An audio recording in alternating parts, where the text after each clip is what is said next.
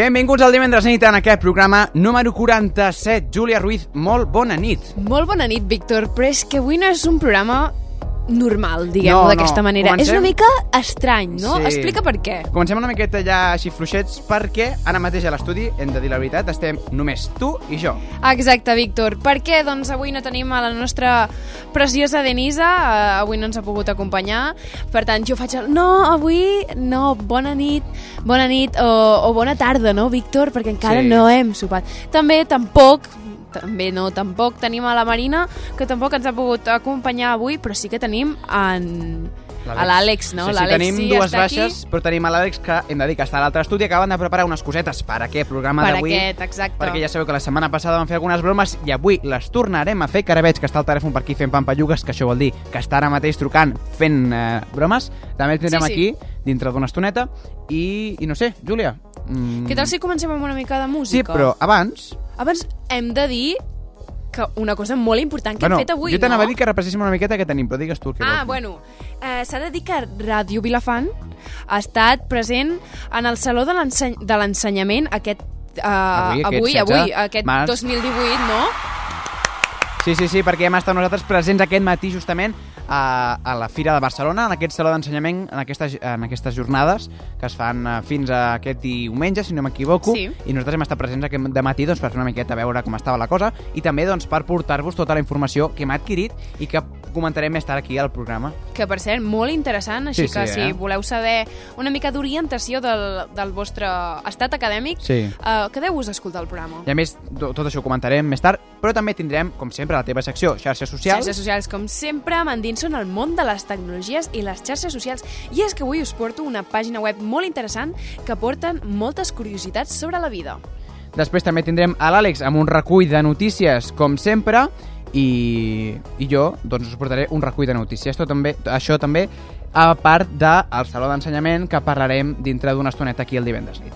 Comencem, com deies, amb una miqueta de música. Exacte. Escoltem dues cançons seguides. Camila Cabello, Never Be The Same, aquesta nova cançó, i després Amaya Romero, Shake It Out, aquest mític èxit Mític, de mític. OT. Something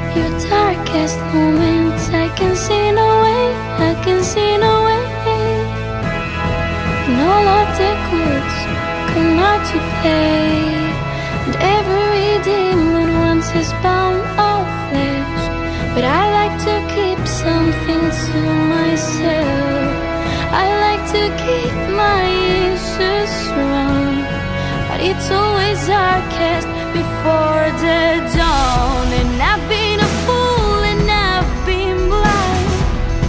I can never leave the past behind. I can see no way, I can see no way. I'm always rocking that horse around. Our love is faster, set to more full sound. Tonight I'm gonna bury that horse in ground. So I like to keep my ears issues strong. But it's always darkest before the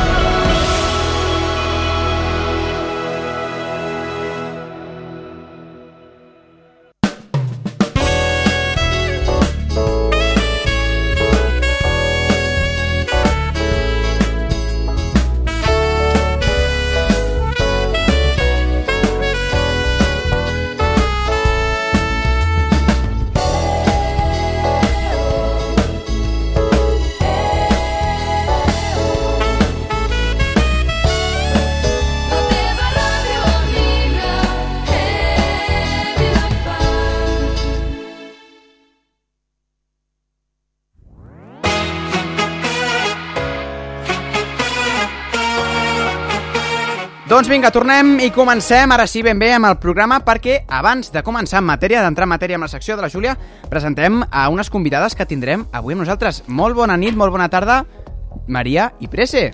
Hola. Hola. I, i Sara, vale, és que clar, no m'aviseu. I Sara. Sí, Víctor, perquè dic, no tenim, no tenim persones i no és tan, tan guai com és el divendres nit, no? Per tant, Clar. He, mo- he mogut els meus cables. Què hem i fet nosaltres? Teníem convidades i les hem, Clar. les hem convertit en col·laboradores per Sí, un sí, dia. sí. En convidades, no convidades però del programa. Maria, molt bona nit.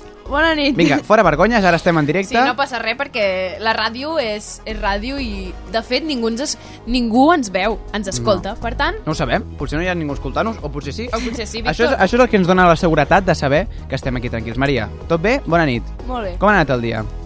Bueno, ara prou bé. Apro- Apropa't al micro perquè si no la gent de casa no ens sent. Perdó, perdó. Vale, és que clar, la Maria l'estem posant en directe És després. que La primera vegada. vergonya. Maria, tu has vingut amb nosaltres aquest matí al Saló d'Ensenyament. Sí. Després en parlarem una miqueta més, més extensament Exacte. del tema, però així, 5 cèntims, què t'ha semblat a tu? Quina opinió tens? Positiva, negativa, ha anat bé?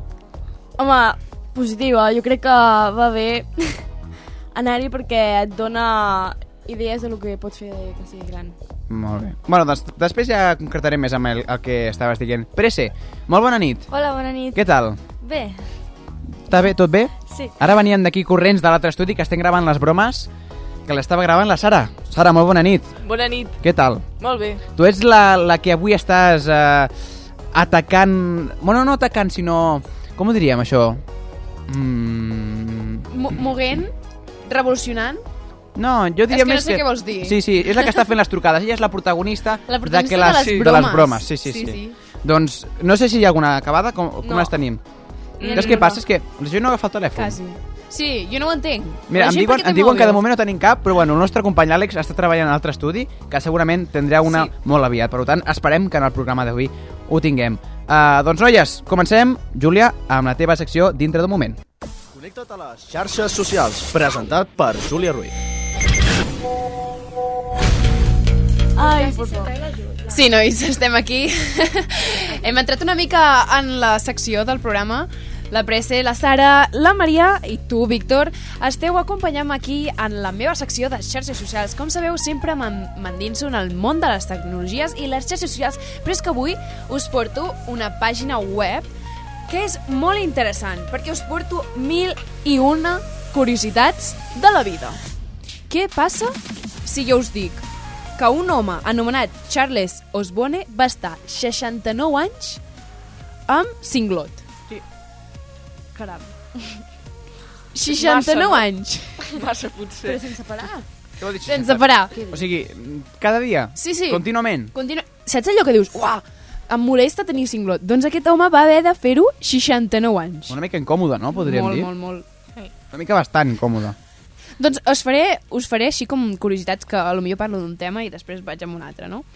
Doncs un altre. S'estima que milions d'arbres en el món són plantats accidentalment per esquirols. Sí, sí. Quirols.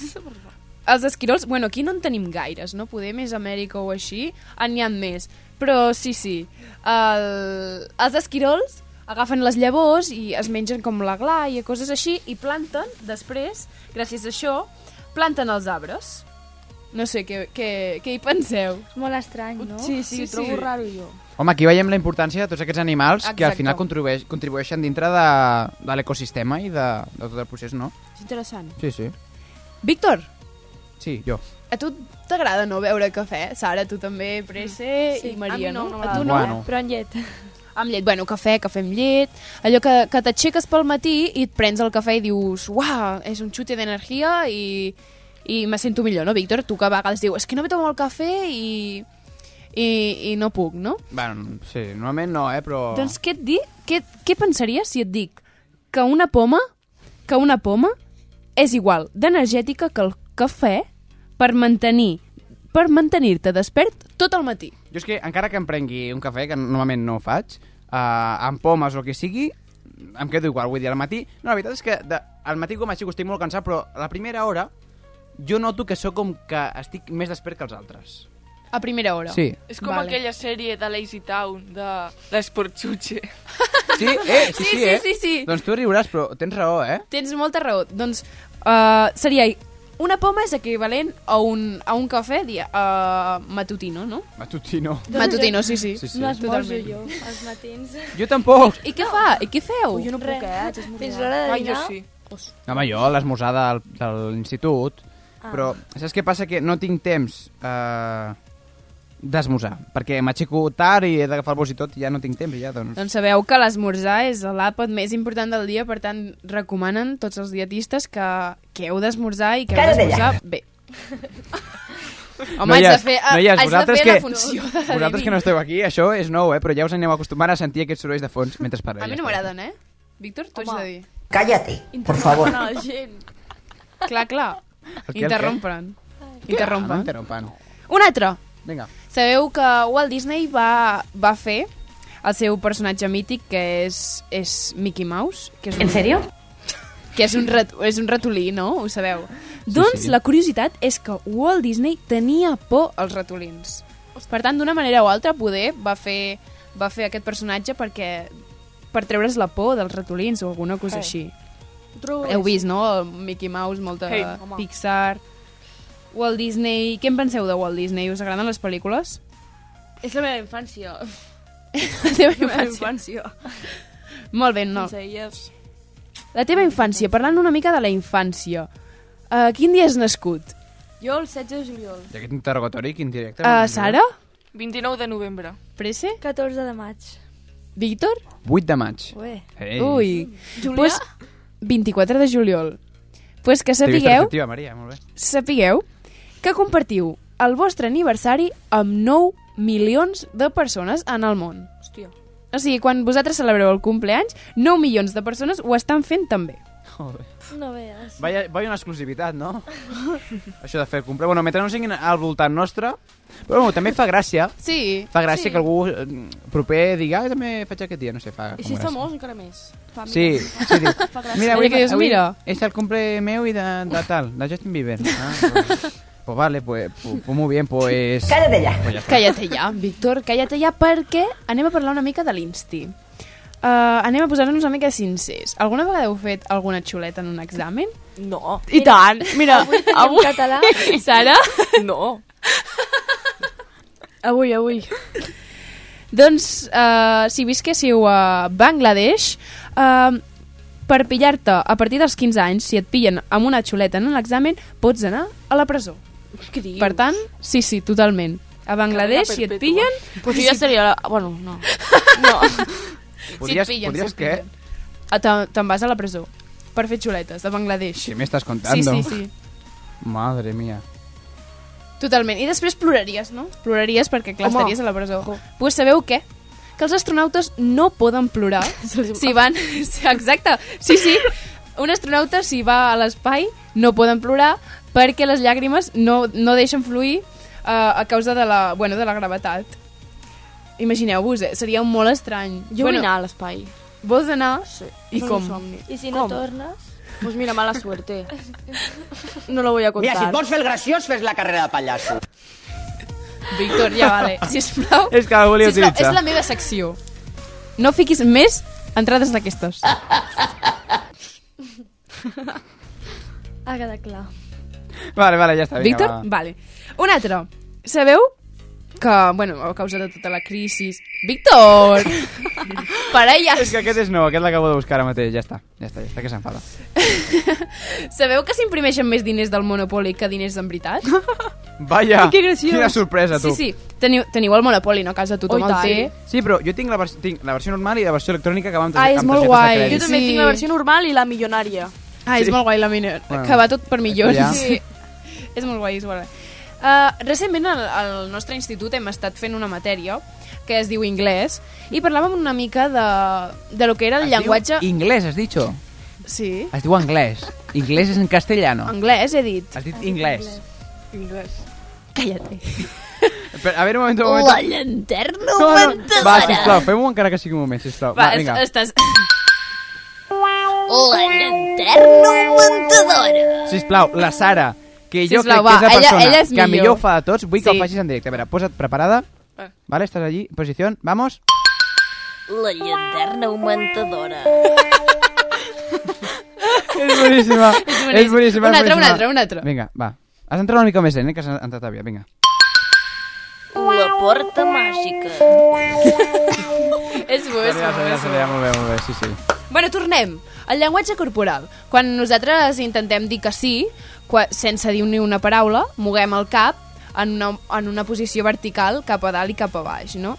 Què passa si et dic que a Bulgària et diuen que sí fent que no amb el cap? I el, el sí, o sigui, el no, et diuen que sí amb el cap. És com una explote Sí. mental, no? Podem dir d'una manera, però és que és veritat que... Sí, sí, totalment. Podem dir que, que totalment que el llenguatge corporal és molt diferent a, a, a altres països que ho són aquí, no? Anem a parlar una mica d'animals. Sabeu que, que els animals tots produeixen uh, sons, no?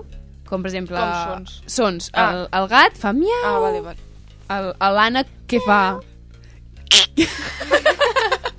el gos què fa? Molt bé. Doncs pues, la girafa què fa? No ho sé. Què fa? Res. Ah, No fa exacte. Ah, exacte. Nois, la girafa és l'únic mamífer que no produeix cap so. O sigui, tots els altres mamífers fan un so o un altre, però la, la girafa no. Sara, tu que Digues. et veig així com una mica llaminera. Sí. Uh, T'agrada menjar xicles? Sí. I a tu, Presse?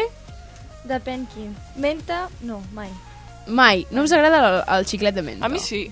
T'agrada el xiclet de menta? Sí. I a tu, Maria? T'agrada el xiclet? A mi m'encanta. El meu preferit és el de menta. El El de de maduixa... A mi també, eh? Soc més de menta. pues, Què passa si esteu tallant una ceba i us ploren els ulls? Amb un xicle i no plores. Exacte! Mira, la utilitzaré, aquesta. M'ha agradat. Pues exacte, si menges un xiclet mentre talles una ceba, pot prevenir les llàgrimes. Per tant, molt útil la gent que esteu a la cuina i heu de tallar uh, cebes i és molt molest. És com quan Es puges a l'avió, quan Sí. menges un xicle i no, ta, no les ulleres... Ai, les, les orelles Sí. no et piten. Ah, Exacte, Ah, molt bé. No sabia, tampoc. Per tant, el xiclet, sí, i també van bé per al, per al mareig. Si estàs marejat, Anda. et menges un xiclet i també ajuda. Motius. Parlem una altra vegada del, dels animals, però concretament dels ocells. Us agraden els mussols? No, odio mm. els animals amb pluma. Els odio. Tots. Tots. Ni un. Ni un, T'agrada? ni un. I a tu, Sara, Presse? Mussols, bueno... I, I a l'ànec? A mi és que m'agraden els gossos. A mi també. Sí. Uh, pues què us dic? Si els mussols... Com us quedeu si us dic que els mussols són les úniques aus que veuen en color blau? Què? Només Sí, blau? sí, sí. Tota, sí, sí.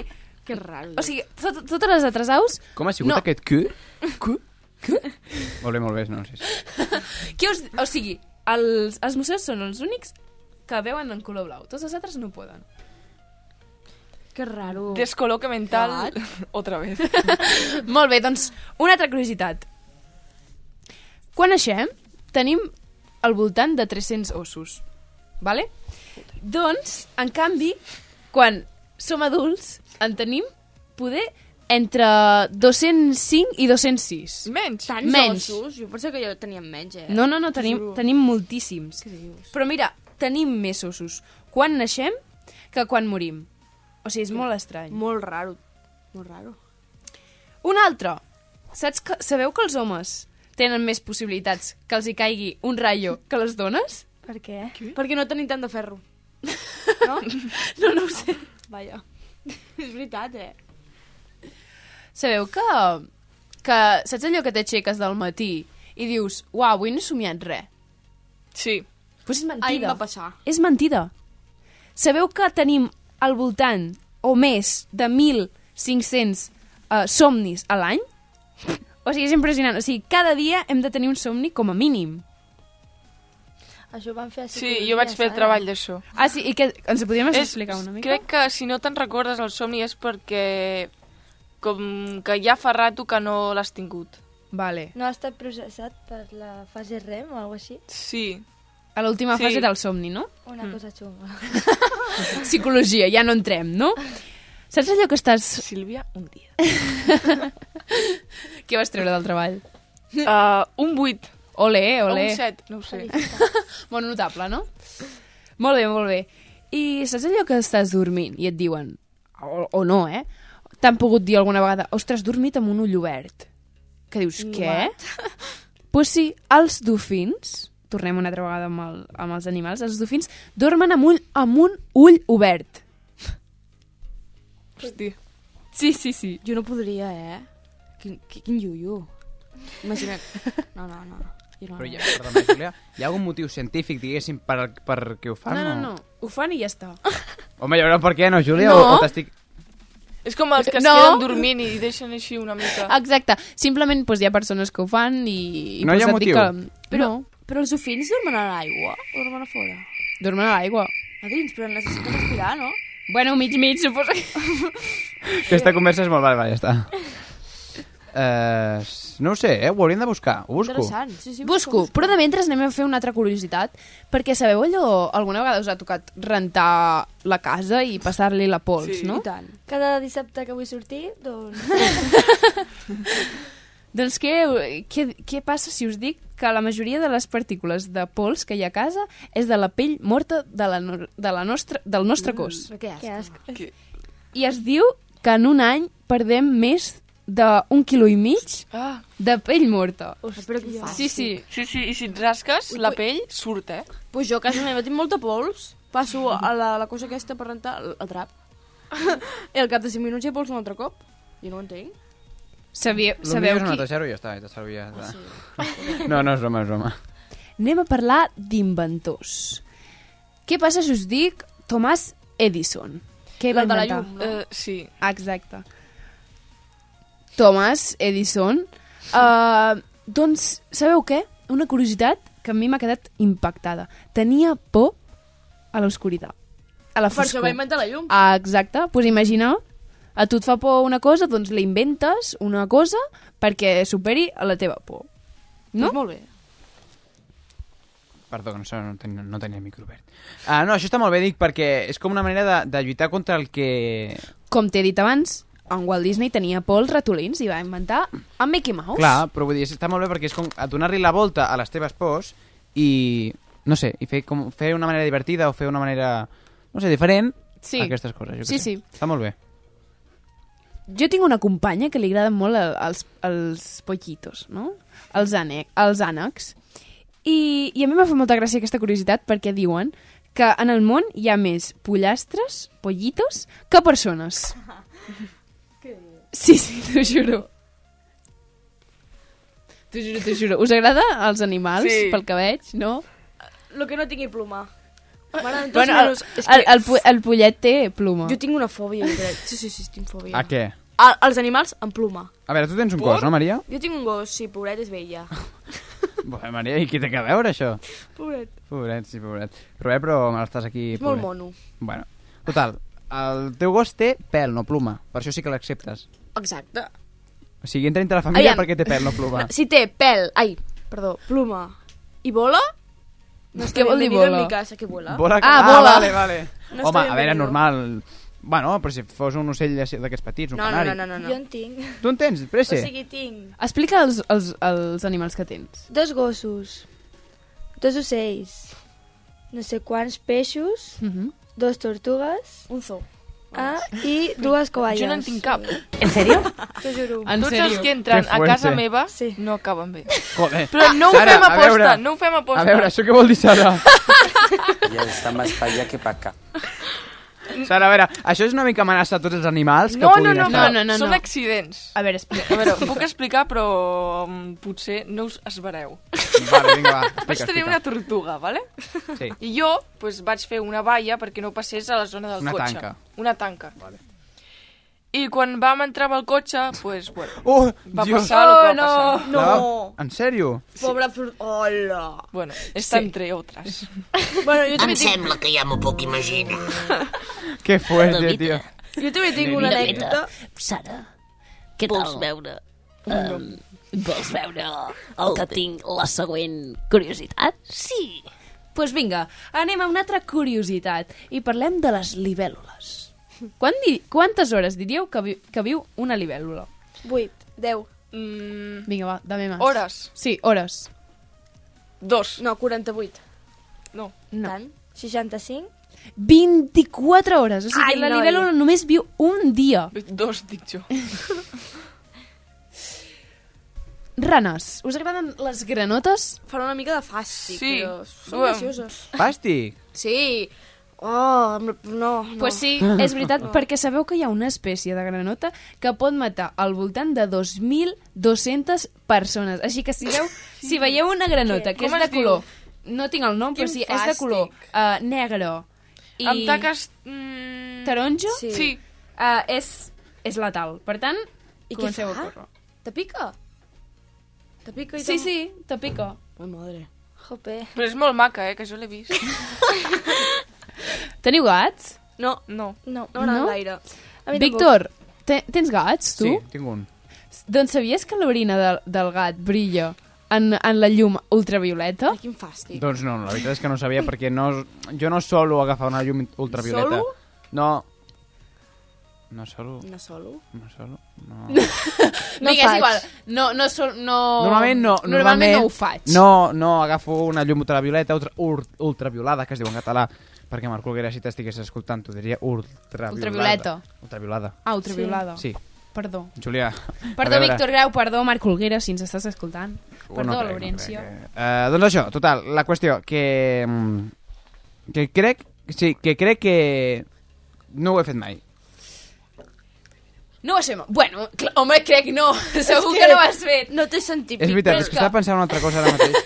És que, què Vinga, estrès? va. Eh, Esteu molt estressats i us porto l'última curiositat. Ja veig que no us ha agradat molt la meva secció d'avui. No, això no ho ha dit oh, ningú. Ah, bueno, bueno. Ha estat divertida. Doncs us porto l'última curiositat. expressen la seva felicitat de forma Interior. calmada. Aquí, Sí, sí. interior, perfecte. m'encanta. Interior. Saps allò que vas a, a, a un, bueno, una botiga i agafes un, dos parells de sa- bueno, un parell de sabates i eh, no us ha passat mai allò que, que ai, he agafat un, un parell igual, un, un, dos de dretes o dos d'esquerres, no? Us ha... T'ha passat, Maria? T'ha passat? A mi no m'ha passat, eh? Jo normalment a casa... És que sóc tonta.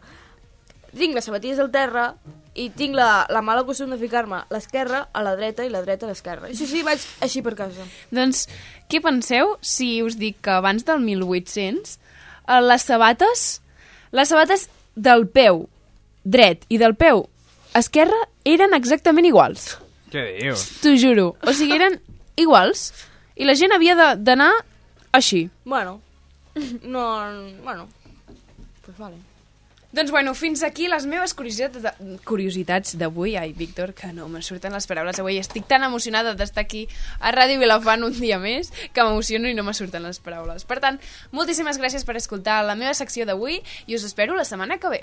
Doncs ara, Júlia, continuem amb més divendres nit des d'aquí, des de Ràdio Vilafant, les zones del 107.3. Escoltem ara dues cançons més. Això és Next to Me, Imagine Dragons, i després escoltarem Sia i David Guetta amb el seu Helium.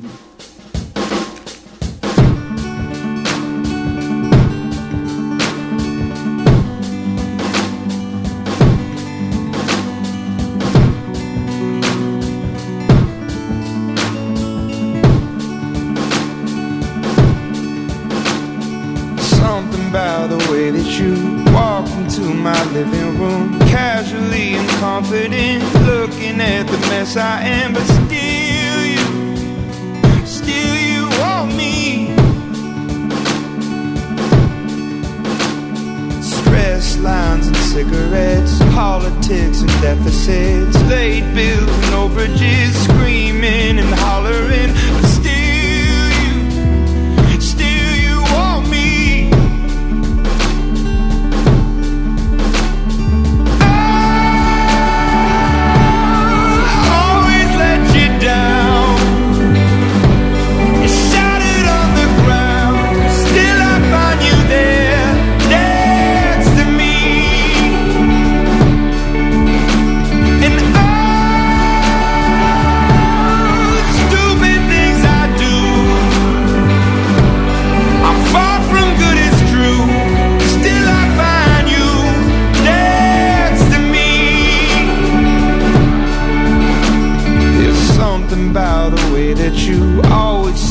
pretty view, overlook the mud and mess, always looking effortless, and still you, still you want me.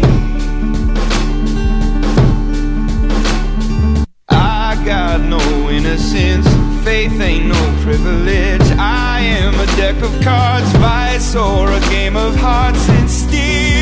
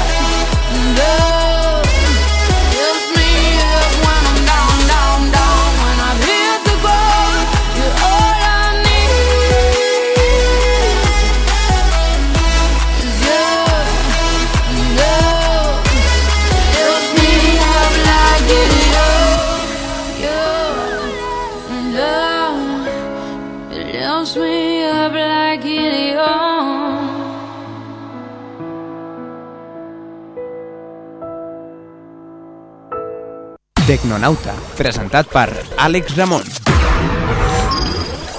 Doncs què tal, companys? Una setmana més, estem aquí el divendres nit. Què tal, companys, com aneu? Doncs molt bé, Àlex. Sí? Uh, benvingut, perquè estaves ara fa una Sí. estoneta aquí als estudis del costat amb en Lluc, el nostre company tècnic, uh, preparant una broma que no sé com està encara. Doncs us he de dir que sortirà molt bé la cosa, eh? Sí? Jo crec que sortirà molt bé. Tenim una broma preparada, a veure què tal surt, eh? Jo crec que sortirà molt bé. Vale, doncs uh, suposo que es pretindrem, però ara, Àlex, és el teu torn. Sí, ara parlarem una miqueta de tecnologia, que sempre ens ve bé, i eh, he de dir que hi ha notícies molt interessants aquesta setmana i començarem amb l'espai. Què tal? Us agrada l'espai o no? Com aneu l'espai? Ui, Maria, quina il·lusió aquest espai, eh? Bueno, la primera notícia és eh, l'espai sí. és un misteri. L'he titulat així. I és que, eh, us llegeixo textualment, eh, passar temps a l'espai exterior afecta els astronautes de manera que continuïn sorprenent als científics. És a dir, eh, amb el que em vull referir amb aquesta frase és que eh, tenim en aquest cas un, una, uns bessons que, en aquest cas, un va anar a l'espai i l'altre es va quedar a la Terra. I eh, el que va passar en aquest cas, és que eh, el que van a l'espai, eh, bueno, en ser bessons tenen el mateix ADN, l'estatura i tot això sí que varia, però l'ADN és el mateix. Però es van trobar que el, aquest, el bessó que havia estat a l'espai, quan va tornar, eh, tenia un 6% diferent l'ADN. No sé què ho penseu d'això, del tema que tinguin un ADN diferent, això d'anar a l'espai... Què creieu d'això? Home, és totalment... Molt estrany. Sí, perquè tu, l'ADN no es modifica no en cap moment de la teva vida. Sempre tens el mateix ADN. Suposadament no, per les circumstàncies aquí a la Terra sempre és el mateix. Per això dic aquí a la Terra. I ara Doncs, ens per han tant, donat com és compte- el factor de que anant a l'espai canvi? Llavors les condicions, això hauríem de dir que les condicions de l'espai són diferents i per tant l'ADN eh, es modifica. I en aquest cas ho hem vist amb uns bessons, que un estava a la Terra i un estava a l'espai. Llavors haurem de mirar quines circumstàncies també són millors. A lo millor quan vas de l'espai desenvolupes eh, alguna cosa millor que aquí a la Terra. També, eh, per lo que he llegit en aquesta notícia, parlaven sobre la visió i que t'ha- en aquest cas el tema de la visió sí que és negativa quan vas a l'espai. Quan tornes tens menys visió que quan estaves aquí a la Terra. Llavors els astronautes no sé si ho tindran en compte això, però bueno.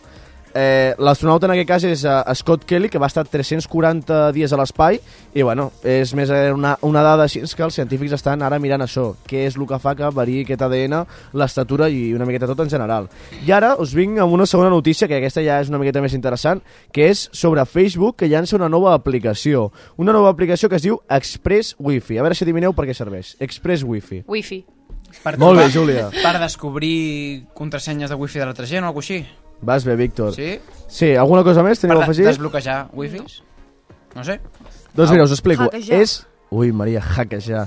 Doncs eh, és una aplicació que està pensada pels països que estan en via de desenvolupament, exemples, Indonèsia i Kènia, i aquesta aplicació arriba en aquests jocs per... Eh, els jocs que hi ha zona gratuïta de wifi en aquests països, doncs automàticament el teu dispositiu es connecta a internet i per tant no és automàtic i també eh, et permet saber on pots comprar, en aquest cas, a, megas, en aquest cas que tenim aquí. Aquí ho tenim molt fàcil, busquem per internet megas i ens surten milions d'ofertes, però en canvi allà només tenen algunes en concretes i són molt elevades de preu i per tant aquesta aplicació te diu les més barates i locals per la posició. Llavors és una idea que ve per aquests països que estan en via de desenvolupament perquè puguin gaudir d'aquests serveis. També hem de pensar que en aquests països com Indonèsia i Kènia la velocitat de navegació no és la mateixa que aquí. Nosaltres carreguem una pàgina web molt ràpida, allà no és el mateix. Llavors és una forma de donar-los uh, internet més fàcil i que puguin gaudir. Què opineu d'això? En aquest cas és que també hem de dir que això només s'aplica en, en països que estan en via de desenvolupament, és a dir, aquí a Espanya no tenim això i en altres països més desenvolupats no passa això. Llavors, opineu que està bé en aquest cas Facebook que digui aquests països que no tenen una bona connexió anem a donar-los una aplicació perquè puguin eh, tindre uns serveis millors. Què opineu d'això? Pressa, vinga. Home, jo crec que està molt bé, no? O sigui, millor per ells perquè com... Millor per ells. No, no home, no. O sigui... sí. I tu, Víctor, què opines d'això? Creus que està bé que portin en aquests països super subdesenvolupats i formes perquè puguin aconseguir internet i puguin navegar a internet perquè vulguis o no tenen el mateix dret que nosaltres, no? Doncs sí, també jo crec que està bé, és una manera de, de com desenvolupar aquest país o donar més accessibilitat, accessibilitat a, a totes aquestes xarxes, tot això que nosaltres tenim aquí, però que ells no tenen, i per tant doncs, és una, una manera de facilitar-los una miqueta doncs, que, ells pugui, que ells puguin tenir aquest accés. I que al final també Facebook té, té molts usuaris i tampoc li ve d'anar a països desenvolupats, Clar, subdesenvolupats. Llavors, és això. Crec que també és un bon gest per a ells. Eh, no en tenim gaires de bons gestos, però una vegada que en tenim un, doncs anem a anunciar-lo. S'ha de valorar, no? S'ha de valorar. I ara una altra notícia, perquè això moltes vegades nosaltres quan anem amb el Google Maps, no, que fem alguna ruta que anem caminant, o anem amb cotxe, o qualsevol cosa, sempre fem la ruta amb el Google Maps. Mai us ha passat el tema de... i els discapacitats? Per on han de passar? Quines rutes han de crear quan van caminant a peu? Perquè hi ha llocs que poden passar i hi ha llocs que no. Doncs eh, els creadors de Google Maps han afegit eh, rutes per discapacitats. O sigui, ara si ets discapacitat, a l'hora de crear una ruta, eh, podràs crear una ruta per discapacitats i pots posar d'un lloc a l'altre per anar i si ets discapacitat, doncs te buscarà llocs que puguis eh, atravessar ceres, eh, joc adaptats per discapacitats.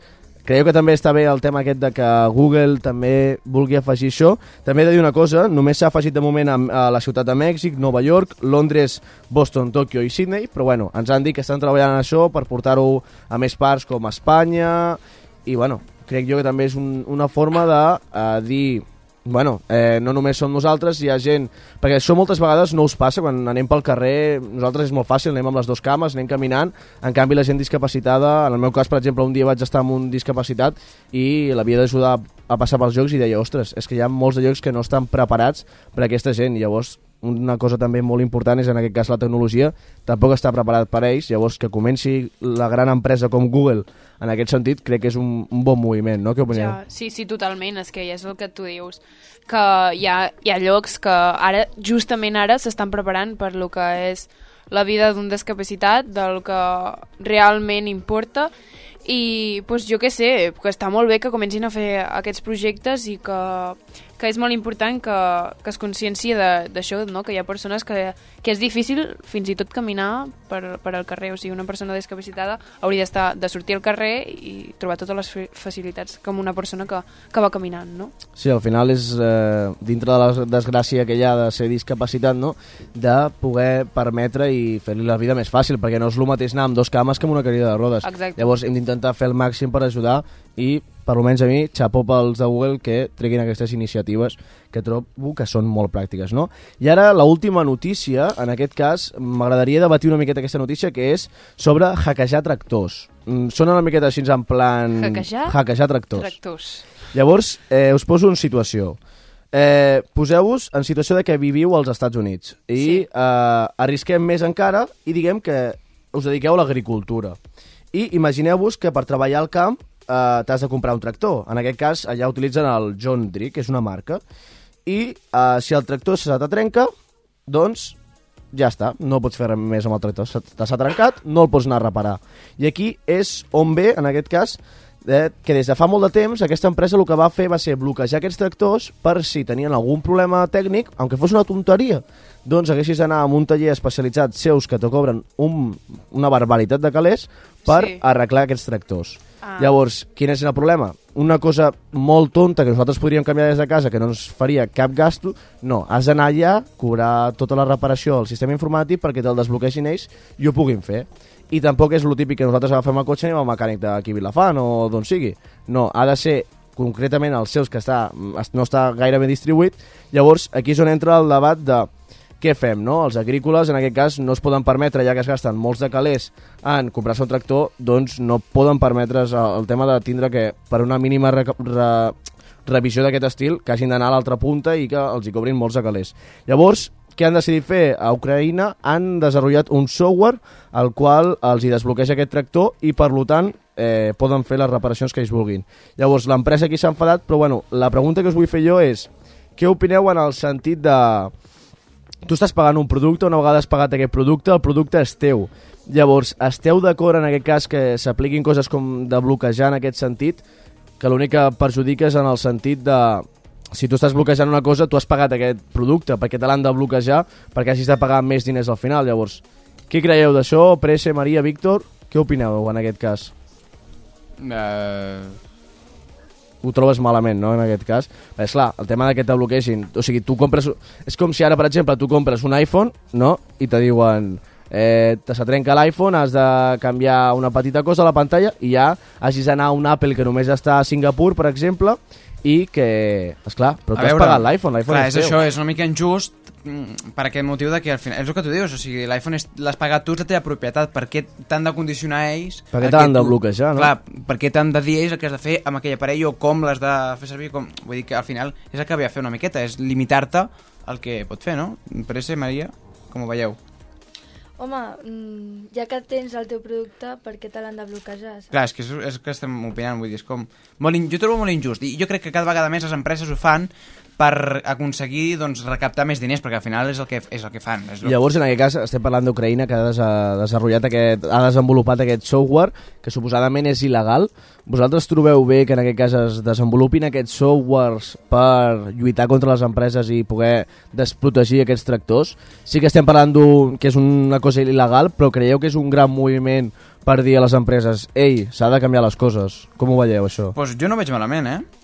Uh, perquè al final és que si ningú es queixa, les empreses faran el que vulguin i la societat doncs, no podrà lluitar contra això, perquè al final arribarà un, un moment que tindran tant de poder que nosaltres no podrem eh, anar en contra d'aquestes empreses i a més seran les que tindrem, per tant ens haurem de subeditar a elles perquè al final si tu mos un iPhone només te'l distri- distribueix Apple diguéssim. I uh, en aquest cas creieu que hauria de ser algú per lo penal? És a dir, que hi hagués alguna llei al qual... En contra de la gent que ho fa? No, que obligués a les empreses a que no puguin protegir coses d'aquest estil. Perquè, és clar, vulguis o no, si, les empreses, les, si a les empreses no es limiten, fan el que volen. Llavors, he, he de dir també que això, aquesta pregunta us les estic fent en el sentit de hi ha països que ja han aplicat lleis en, contra de, en contra d'aquestes empreses perquè no facin aquest tipus de moviments que al final perjudiquen i jo crec que en aquest cas als Estats Units tota la gent que parla sobre en aquest cas aquests tractors estan molt enfadats perquè vulguis o no t'espatlla aquest tractor i és el que et dona tu de menjar no? perquè és l'agrícola al final llavors en el meu cas trobo que és un mal moviment per John Deere, l'empresa aquesta de tractors, però bueno, sort que tenim grans informàtics doncs, que ens ajuden en aquests sentits per eh, fer que no els hi surtin bé aquests plans a, Doncs sí, la veritat és que sí, eh? I després, aprofitant que avui hem anat al Saló d'Ensenyament, en parlarem sí, després. en parlarem després.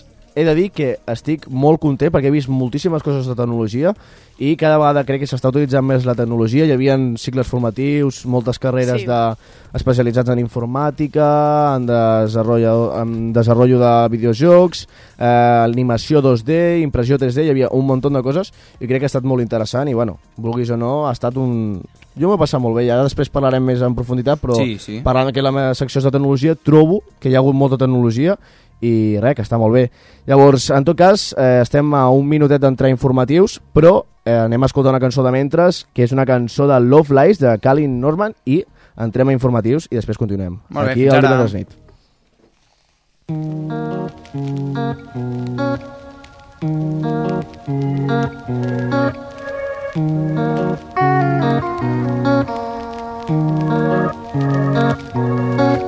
Sorry if it's hard to catch my vibe. mm I need a lover to trust. Tell me you're on my side. Are you down for the ride? It's not easy for someone to catch my eye.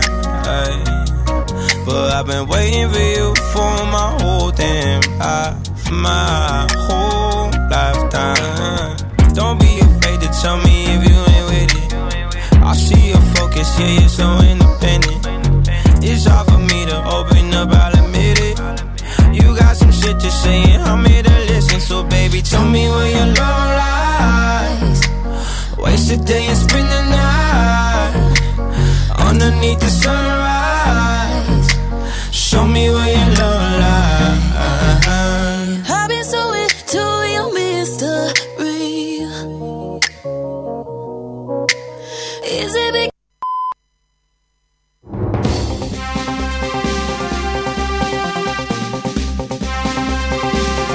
Notícies en xarxa.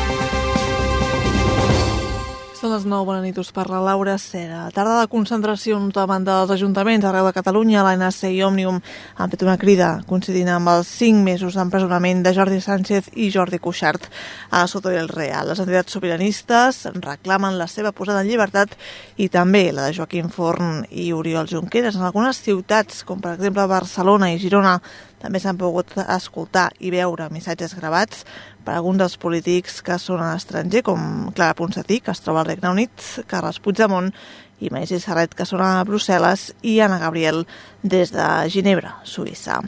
Més qüestions. La Sènia té nous indicis sobre el seu passat. Un estudi ha corroborat el vincle d'una construcció a tocar del carrer Major com a part de la muralla de l'antic recinte medieval del municipi del Montsià. Per protegir-lo, el ple ha aprovat la declaració com a bé cultural d'interès local. En tenen tota la informació que en el Terres de l'Ebre. Susana Casas, bona nit, explica'ns. Bon vespre, la CENI ha declarat bé cultural d'interès local la construcció medieval situada entre el carrer Galileu i el carrer Major. La façana atalussada forma part d'un mur d'una amplada de metre i mig o dos metres que hauria configurat un sistema de defensa emmurallada dins de l'àrea del conjunt històric medieval del poble. Joan Moisès és l'alcalde de la Sènia. Més o menys estem parlant de, de la zona de l'edat medieval 1500, 1600 eh, s'han d'acabar de fer estudis perquè heu de comprendre que en aquella època eh, les cases eh, si hi havia alguna caiguda se reconstruïen i des de llavors han passat eh, moltes generacions i per tant tota aquesta reconstrucció del que és la, la muralla s'ha de fer eh, en bastant de temps i amb, amb tranquil·litat no? el que sí que nosaltres volíem era de declarar aquesta, aquest, aquest solar, aquest edifici com a bé de cultura d'interès local com a donar exemple de que realment ens estem portant molt el que és la, el patrimoni cultural de, de la població i per tant donar-li un cert valor i que la gent se senti orgullosa. La darrera sessió plenària ho va aprovar per unanimitat dels 12 assistents. Ja fa tres dècades que l'Oficina de Català de Blanes treballa per la normalització lingüística, ho fa a través de la docència, de l'assessorament lingüístic, d'activitats de dinamització, un aniversari que coincideix amb els 150 anys del naixement de Pompeu Fabra. Per això, des de la Biblioteca Comarcal de Blanes han volgut celebrar aquestes dues efemèrides amb una conferència que duia per títol El camí cap a una llengua per a tothom. Jordi Arbat, des de Ràdio Palafolls, com ha anat? A banda, la mateixa Biblioteca Comarcal també s'ha preparat una exposició sobre els 30 anys de l'Oficina del Català de Blanes.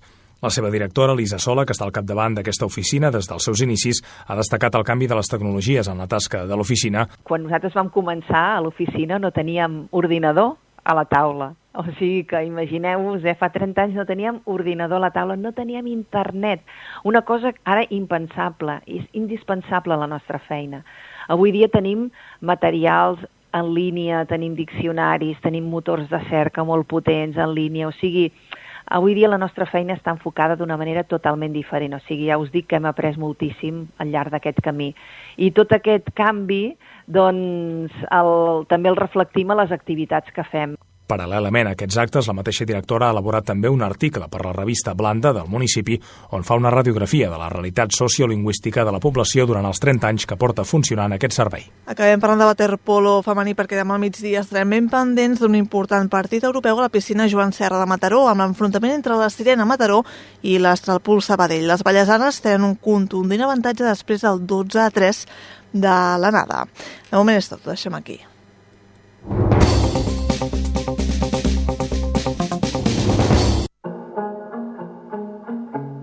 Escoltem ara dues cançons i després continuem amb divendres nit. Això que sona ara és Marron 5 amb el seu White i després Bruno Mars amb Fines, el remix. Després, molt més aquí el divendres nit, Ràdio Vilafant.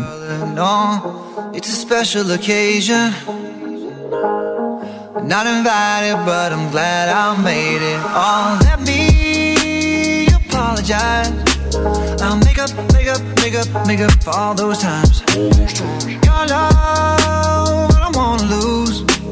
I'm begging, begging, begging, begging, I'm begging you. Wait, can you turn around? Can you turn around? Just wait.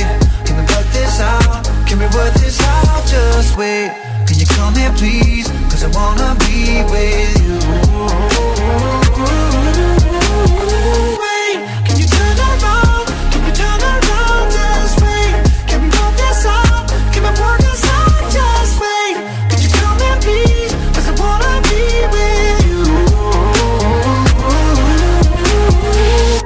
Can we talk for a moment?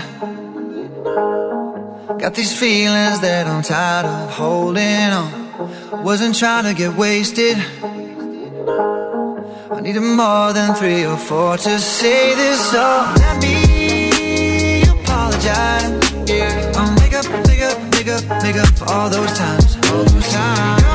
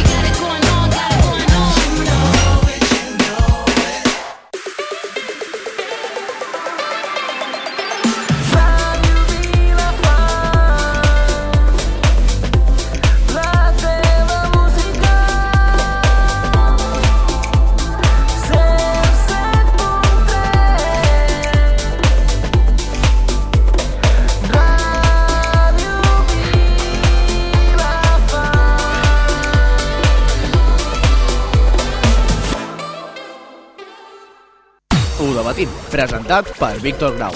Bla, bla, bla, bla, bla. Doncs vinga, arribem ara a l'Ho debatim i avui parlem ni més ni menys que de Stephen Hawking, perquè crec que és una de les ments més brillants, una de les persones eh, que aquest món eh, ha contemplat com a una de, de les millors que hem tingut i ja que va morir eh, fa uns dies, eh, concretament el dia 14 de febrer, doncs nosa nosaltres, espera, no, Júlia, perquè això demàs, arribarem... Demàs. De febrer, dit? Sí. Perdó, sí. perdó. va morir el dia 14 de març. Eh, nosaltres des del divendres nit doncs, volem fer una mica d'homenatge i parlar una miqueta d'ell i estaria bé doncs, que entre tots comentéssim una miqueta el que creieu interessant d'ells d'ell. Jo voldria començar doncs, explicant-vos unes curiositats vale?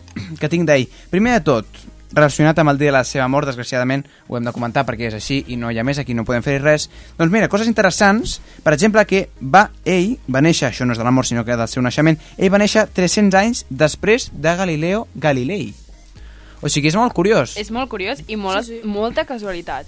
A més d'això, a més de néixer 300 anys després de Galileo Galilei, va morir el 14 de febrer, de març, ho he tornat a dir, Ho has el tornat 14 a dir. de març, que és el Dia Internacional del número pi.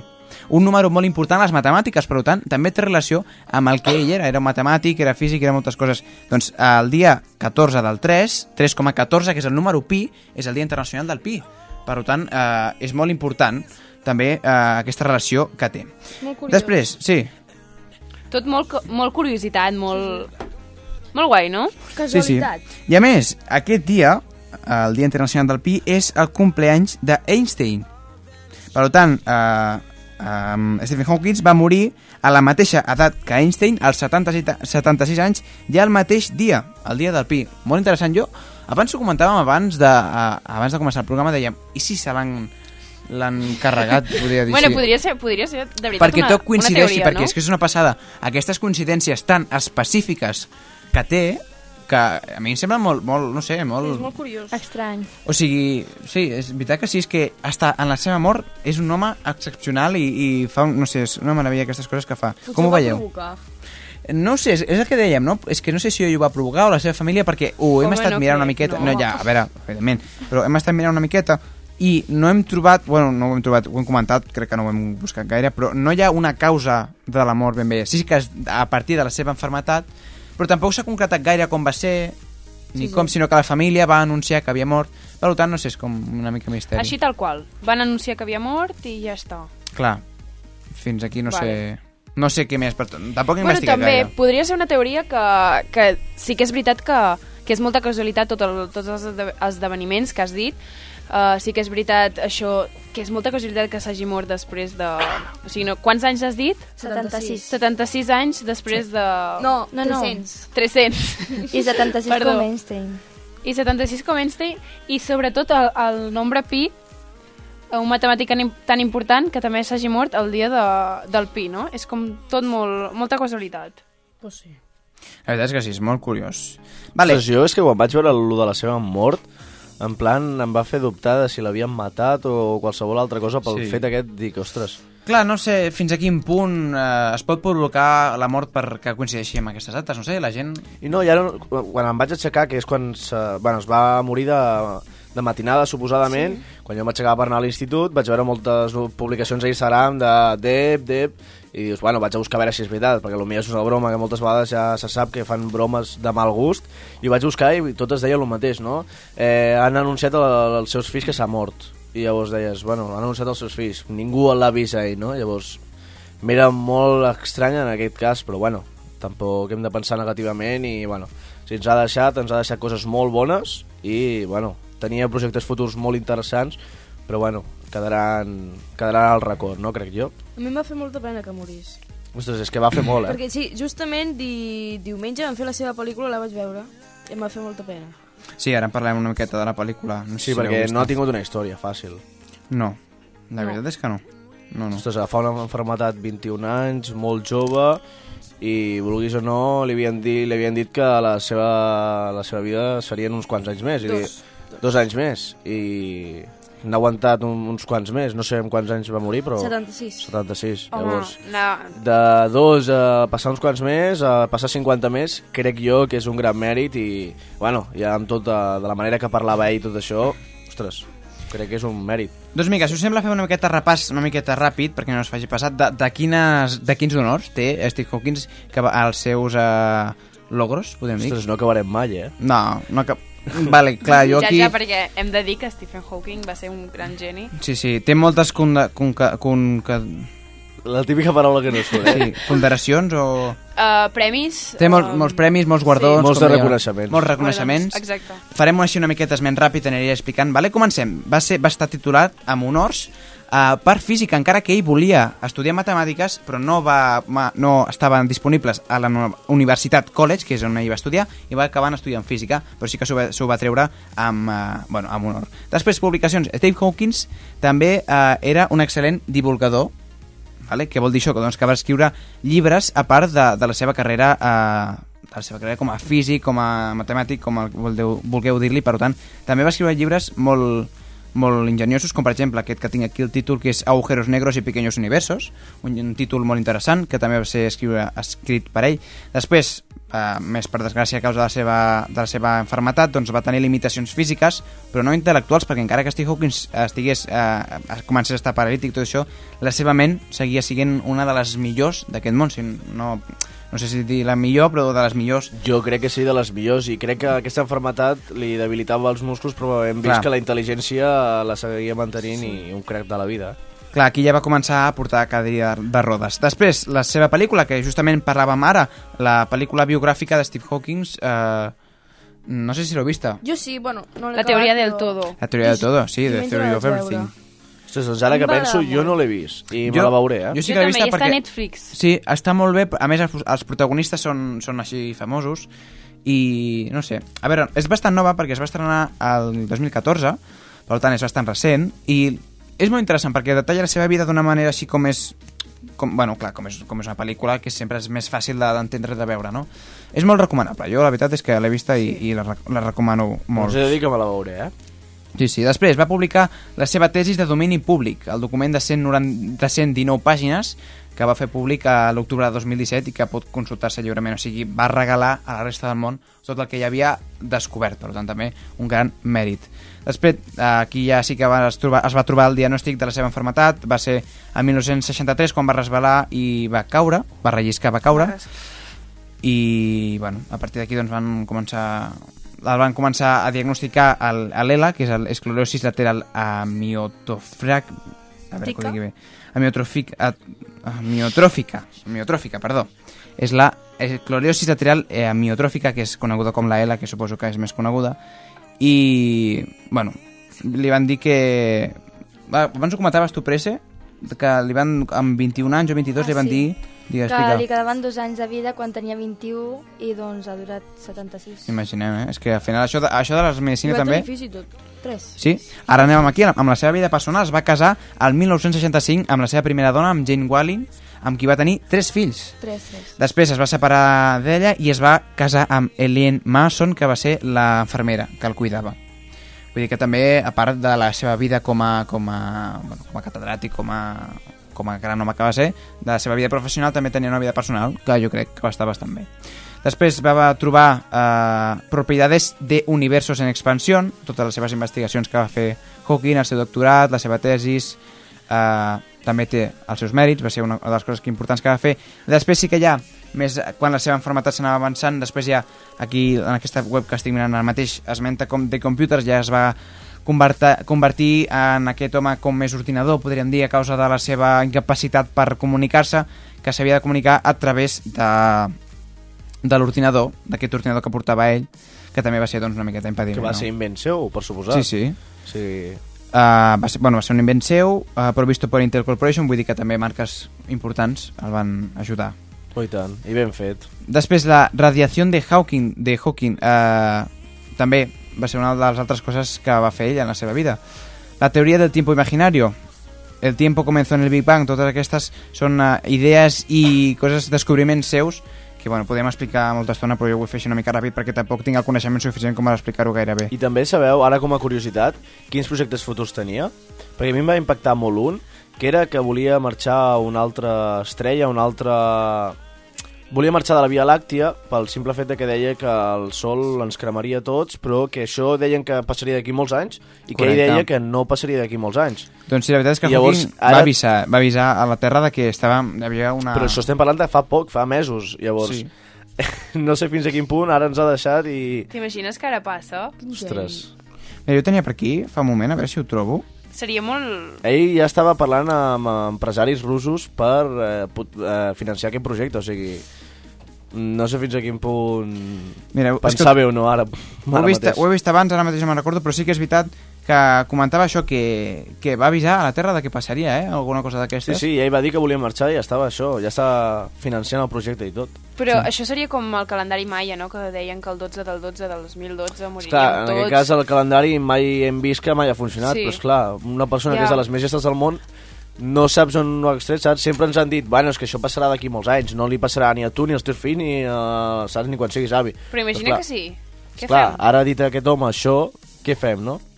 O sigui, ara ens ha deixat... Ostres, eh, podríem tenir un debat molt gran en això, eh? Perquè hi ha moltes teories científiques que diuen que bueno, el sol s'apagarà, òbviament, però que encara està just a la meitat, però que aproximadament, abans de que la seva s'apagui vida. arribarà a la Terra. Exacte. Per tant, per tant, nosaltres no veurem mai que el sol s'apagui, no? Però Stephen eh, perdó, Stephen Stephen Hawking va dir al revés, que ens cremarà. Per tant, Sí, perquè abans de que s'apagui arribarà abans a la Terra i ens agafarà a nosaltres. no sé què pensar. Bueno, no crec que siguem vius, eh, quan passi això. No, jo tampoc. Bueno, Mira. eh, dèiem tot que no, però segons Ja. ell sí, eh? Ara, ara trobat la, la mateixa notícia que he buscat abans, és la última advertencia de Hawking. Va dir, en una de sus últimas declaraciones públicas, Hawking aportó una visión apocalíptica sobre el futuro del ser humano. El verano de 2017, vull dir, fa res, durante el Festival Científico Starmus en Noruega emitió la siguiente advertencia. No tendremos futuro si no coloni- colonizamos el espacio. Y defendió que la especie humana tendrá que salir de la Tierra para asegurar su continuidad. O sigui que és Uns una miqueta... com- Marte. Digues? No, no, però no és el fet de marxar a Marte, és A veure. fora de la Via Làctia. Clar, o sigui, ell, ell, el problema el veu al Sol, per tant, si anem a Mart, el Sol està aquí mateix, per Però tant... s'ha arribat? S'ha arribat A Mart? No, home, no, a Mart. No, un Ah, altre... vale. Es, es, No. es, saben que hi ha, uh, que hi ha però és clar, si no investiguem... Quan tu, quan tu arribis a estar fora de la Via Làctea, ja... a part que no pots, perquè són anys llum, no hi ha combustible en una nau suficient. Per... Llavors no sé quin és aquest projecte, llavors ens ha Ja, deixat ja. aquí amb aquest projecte ara... Ostres, pues... A lo millor li ha deixat... en Dalí quan va morir, que va deixar quadres Sí. sense fer, doncs és una mica això, no? A lo millor li ha deixat el projecte a algú, mai sabem. Poder, poder. Sí, sí.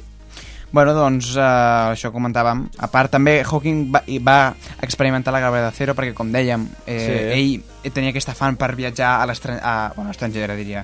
No, per viatjar fora... Home, fora és- no, és no, no. l'estranger, oficialment sí, sí, és sí, clar. l'estranger. Per viatjar fora del món a, a causa de, bueno, de diferents circumstàncies i no va poder viatjar, però sí que amb 65 anys d'edat va poder experimentar eh, aquesta sensació de, de gravetat zero. Ostres, jo crec que és una... zero, sí, sí. va ser un moment molt Està molt emocionant, bé. que és Sí, el fet sí. aquell de l'avió que puja i cau en picat Sí, molt sí, ràpid, correcte, no? és l'avió Boeing 727 de l'empresa Zero Gravity. Sí, sí, o sigui que, bueno, també va fer coses així que crec que està molt bé. Oh, i tant. Bueno, doncs uh, també es, aquí està el tema de Hawking i Hastings que us he comentat al, al començament. El seu falleciment, doncs, uh, falleciment, la seu defunció, coincideix amb el dia de Pi. I per últim, una cosa molt interessant que he trobat és que, a més, Hawking uh, va treballar com a estrella televisiva. Bueno, treballar no ben bé, sinó que va aparèixer en diferents sèries de les quals podem destacar, doncs, per exemple, Star Trek, The Simpsons o The Big Bang Theory. Suposo Sí. que aquestes tres Sí, les coneixereu. sí, sí. Sí. Doncs jo tinc dues anècdotes de, de Simpsons i de, de Big Bang Theory. Primer, va participar amb els Simpsons i l'únic l'única condició que va posar perquè ell pogués sortir la sèrie és que no quería parecer borracho en la pantalla. No le importaba tomarse una cerveza con Homer en el bar de Moe, que és l'escena que interpreta, però no más. És l'única condició Sí, que ell va posar. I a Jo més, també, ell mateix, a la versió anglesa, a la versió original, va, uh, va posar la seva veu original. Ostres, que guai. Ah. Sí, sí. I hi ha el fragment de vídeo que està en, bueno, està en anglès, però que està. I surt aquí l'única condició és aquesta, no volia sortir borratxo a la televisió. Ell Ostres. sur, podia sortir tomant-se una cervesa, Que curiós, eh? Prenent-se Prenent una prenent cervesa. una cervesa, però no, no borratxo. Una cosa molt curiosa, no? I després doncs, també va sortir a The Big Bang Theory. Va fer diferents aparicions on, bueno, on va, va, va ser un dels... Bueno, va ser una, jo crec que una de les, de les um, com diria, convidacions, no, uh, invitacions. Col·lab- Eh, sí, col·laboracions. Col·laboracions. Sí, col·laboracions va ser una de les meves col·laboracions que va tenir la sèrie perquè a vegades apareixen alguns personatges famosos i ell va ser un d'ells i a més, bueno, no sé, crec que està molt bé. I després, bueno, uh, com a anècdota, a TNT, que és la cadena espanyola que re reprodueix a, a The Big Bang Theory aquí a Espanya, que és una privada, si no m'adi- si no m'equivoco. Sí, és privada. Sí. A, Sí. Després de la seva mort va fer una marató de tots els episodis en què ell sortia. Veus, jo amb això estic molt d'acord pel simple fet de que moltes vegades això passa, per exemple, uh, quan es mor alguna persona, ah, que bona persona era, se li fa molts homenatges, llavors jo crec que coses en vida és el millor que se li pot fer a una persona, donar aquests mèrits quan una persona està viva, eh, crec que és millor. I una persona També quan s'ha eh? mort, ja està. Moltes vegades passa amb els pilots de motos, oh, sí, era molt bon pilot, s'ha mort, ara fem molts homenatges, li posem aquest nom al seu, a un circuit, i crec que en aquest cas fer aquest tipus de col·laboracions quan una persona està viva és el millor perquè al final aquella persona se sent millor, no? I en aquest cas sí que estic molt a favor d'aquestes aquesta, sèries que han apostat per ell i trobo que està molt bé, eh? Llavors, un aplaudiment per les, per les empreses aquestes que l'han. Doncs sí, la veritat és que sí, eh? Estic molt d'acord amb tu. Doncs bé, fins aquí la meva secció. Hem parlat de Stephen Hawking, un dels personatges més rellevants del nostre món, que ara ja ens ha abandonat, però que sempre seguirà a les nostres cors i en totes les coses que ha descobert. Continuem amb més divendres nit, amb més música de Chainsmokers, Everybody Hates Me, abans d'arribar doncs, al final del programa. Fins ara. Yeah, I just wanna drink tequila with my friend. She says she cheated cause she trying to get ahead. The more I read it, yeah, the more I take offense. I'm so defeated, I can't get outside my head. I post a picture of myself cause I'm lonely. Everyone knows what I look like, not even one of them knows me. Yeah, I just wanna drink tequila with my friends. I'm so defeated, I just want this shit to end. So I walk into the club like everybody hates me.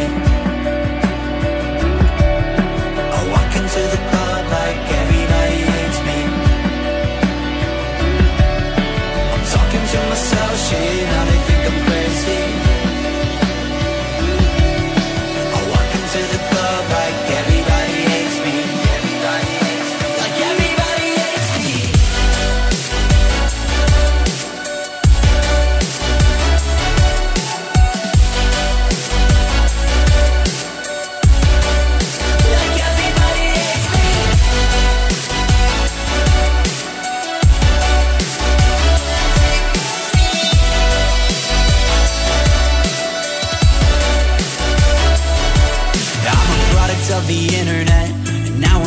face with all the voices in my head. I can't even check the time without facing regret. Why do I still have to mean everything I ever said? And I'm not trying to be like poor me, I made it. I'm just trying to stay normal now that they know what my name is. Yeah, I just wanna drink tequila with my friends. Yeah, they're the reason that I still am who I am. So I walk into the club like everybody hates me.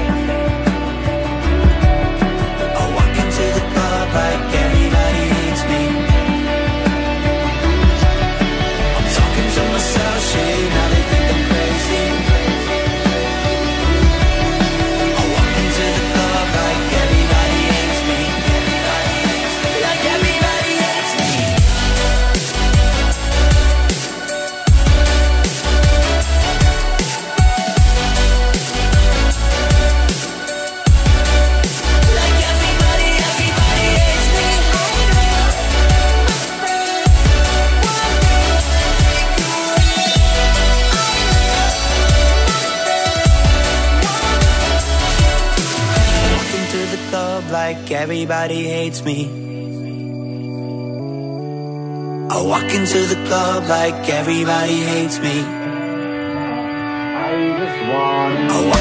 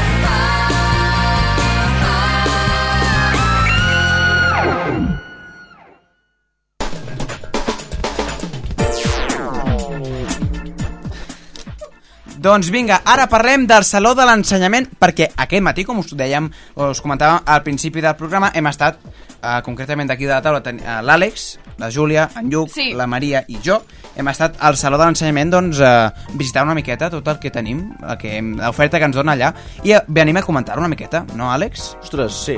A mi m'ha agradat moltíssim. Sí, ha estat... Perdoneu, Pressa, a ti t'he exclòs directament perquè no has vingut. Ja, ja. També comentaràs, no preocupis, però, però tu Vale. no. Vale? Així també saps de què, de què ha anat la sortida d'avui. Doncs bé, nosaltres hem anat com a premsa de Ràdio Vilafant i, i hem anat una miqueta doncs, a veure l'ambient que hi havia, què és el que s'hi feia, perquè era la primera, la primera vegada que hi, fe, que hi anàvem. I, bueno, per internet sempre ho veus, però fins que no estàs allà in situ no saps ben bé de què va la cosa. I la veritat, Júlia, com tu deies, a mi m'agrada molt. No sé, tu comenta una, una miqueta la teva experiència així una mica en Mira, general. jo només a l'entrar i veure tants estants, tant, tanta gent que t'intenta orientar, tant, no sé, l'ambient que hi havia, moltíssima gent mirant, preguntant, que no hi havia un pavelló, sinó que n'hi havia un quatre i a més a més n'hi havia un altre que era totalment de postgraus i de màsters i a mi m'agrada molt sobretot l'ambient, és el que deia, de les persones que estaven allà i que, i que intentaven doncs, preguntar, no?, com nosaltres fèiem. Sí, que la gent que t'orientava en aquest cas eren estudiants que estaven en aquella mateixa universitat. Bueno, en algun cas hi havia estudiants, professors.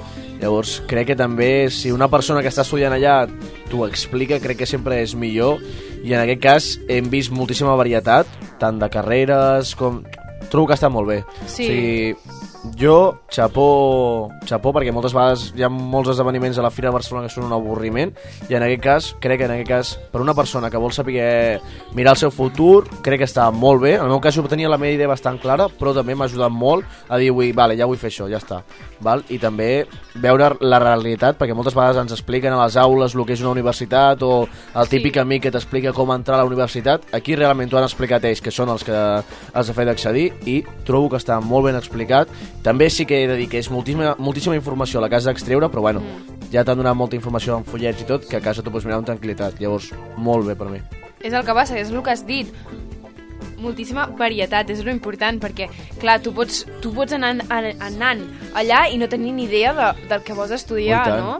Per tant, és, és lo important anar a veure, uh, escoltar, agafar informació, agafar molts de, de folletos, prospectes, i és el que importa, no? Anar allà i sortir més o menys una mica uh, més orientat al que has entrat, no? I una cosa jo crec que- que... això ho hem, ho hem aconseguit. Oh, i tant, jo crec que el 90% de la gent que hi vagi, més o menys, ho sabrà segur. I una cosa que m'agrada molt, que més o menys no sé si ho tenen tots, però la gran majoria és els cursos que fan a l'estiu, que sempre, els, tots els que he preguntat per almenys ho tenien, i m'han dit sempre el mateix.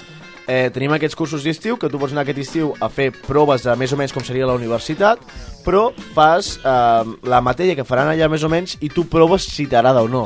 Llavors, també trobo que és una forma molt interessant de veure si realment ens agrada allò, ho proves durant uns mesos per no fer una carrera, començar la carrera i després dir, ah, doncs això no m'agrada.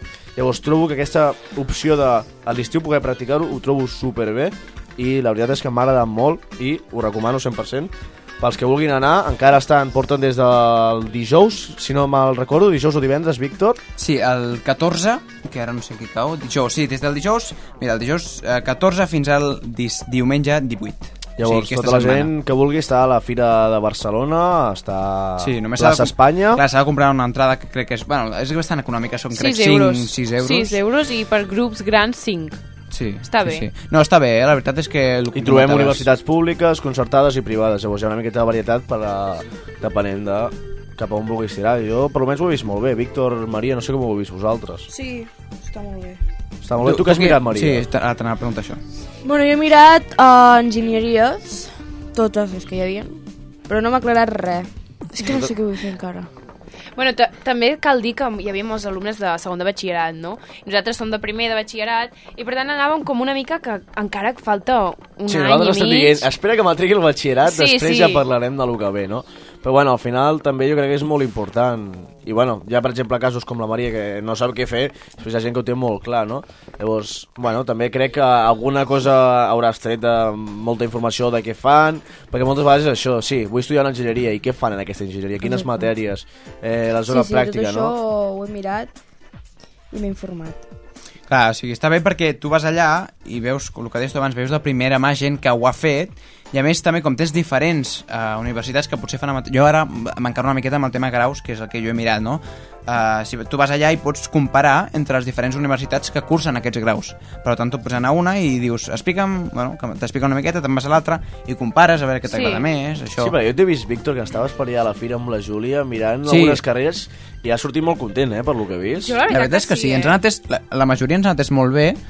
I sobretot I- és el que deies. Ens ha, en, bueno, en un estant ens ha atès, primerament, un alumne d'aquella aquella universitat que estàvem parlant, i després ens ha pogut atendre un professor que fa aquell curs que nosaltres estàvem interessats. Per tant, ens hem com una mica... Com una família, no? De... Sí, Sí, no, però molt bé. Aquesta molt bé, molt cercania, bé. no? Jo sí, sí, la veritat és que a vegades es comenta molt això del tema de les universitats públiques. A vegades els professors tenen tants alumnes que no saben ni qui Que és. ets un número, per començar. Ets un número, evidentment. Per tema, clar, al final és, és normal, perquè eh, les públiques han d'acollir a moltíssims alumnes, uns espais eh, reduïts relativament eh, normals, tampoc som... Bueno, tampoc sé cada universitat, però vull dir, hi ha molt, molt, molt volum de gent en, en espais Sí, reduïts. tu el que comentaven eren dient, és que el normal a la universitat són 230. 230 alumnes, i dius, ostres, 230. Clar, es fan, es fan tres horaris, si no m'equivoco, per tant són unes 100 persones per classe. Vull Llavors dir- estàvem parlant de que nosaltres venim de tindre 25 a classe, que la teva encara, Víctor, en Nosaltres té som menys. 18. Ah, som si tu- res, res, i, eh, i quan fem mates som 12. Optatives, tant, clar. Llavors, és- quan, és molt- és quan un jo he anat a, molt, a molt demanar informació, me diuen, sí, són 60. Jo dic, ostres, són moltes. I em diuen, no, sí, és molt poc, saps? És en plan... Sí, sí, sí. Sí que és un nosaltres la que molt ens hem elevat, però preguntat, Sí. és això, que tu vagis a una classe i el professor sàpiga Àlex Ramon, Víctor Grau... Clar. Ostres, per almenys ja és molt, Clar, és no? com molt millor. Clar, això també potser t'ofereixen més les que són concertades o privades per el tema de que no hi ha tanta gent, també es poden dedicar més a tu, vull dir, t- sempre has de buscar una miqueta el que més in- t'interessa a a partir del que t'ofereix cada Però bueno, universitat. al final ho tirarà a la butxaca. Clar. Però bueno, a vegades ho comentàvem, no? Per Sí, exemple, que- a viure a Barcelona, o sigui, que encara que tu vagis a una, una universitat pública, que estigui al centre de Barcelona, pagar un pis a Barcelona és molt car. Si tu te'n vas, a, per exemple, a Ubic, que és la que hem estat mirant nosaltres, Júlia, Sí. eh, te vas a viure a Vic, potser és més barat, és més barata la vida allà, però la universitat és més cara perquè és concertada. Per tant, has de fer una miqueta aquests barems de dir, a veure, per on eh, pujo més, per on baixo, i veure al final potser et surt el mateix i dius, va, doncs prefereixo fer, anar a una concertada que està a, a, a Vic que no a una pública que està a Barcelona. Ja independentment de la nota, que també és un tema molt important. I Clar, també que- una cosa que m'agrada molt Sí? és el tema de sempre, per exemple, tenim com les millors universitats, bueno, no diré noms, no, però sempre, ostres, que aquesta és la millor universitat. Aquí hem pogut veure realment que en realitat has de mirar per lo que t'agradi, si t'agrada més el teòric, el més pràctic, perquè al final les carreres van variant una miqueta. Per exemple, sempre estem mirant Barcelona, Barcelona, Barcelona, i jo he estat mirant en aquest cas Girona també. La veritat és que mm, no som conscients de que Girona tenim molt bona universitat també, i... Sí, també, de fet també hi era, eh? Sí, per Allà? això hi era. Jo he demanat informació allà perquè la, sempre, la gent sempre parlant de Barcelona, Barcelona, i a Girona crec que no estem valorant realment el que tenim, i en el meu cas m'he estat mirant Girona i trobo que està molt bé per lo prop que ho tenim. Llavors, eh, és un esdeveniment també molt... que ens pot ajudar molt pel simple fet de que sempre hi ha aquestes universitats que diuen que són les millors. Ves allà, comprovo, mira quines matèries fan, com va la pràctica, quants anys són, i això m'ho pregunto una miqueta, no? Què feu, quines matèries, quines notes me demanen...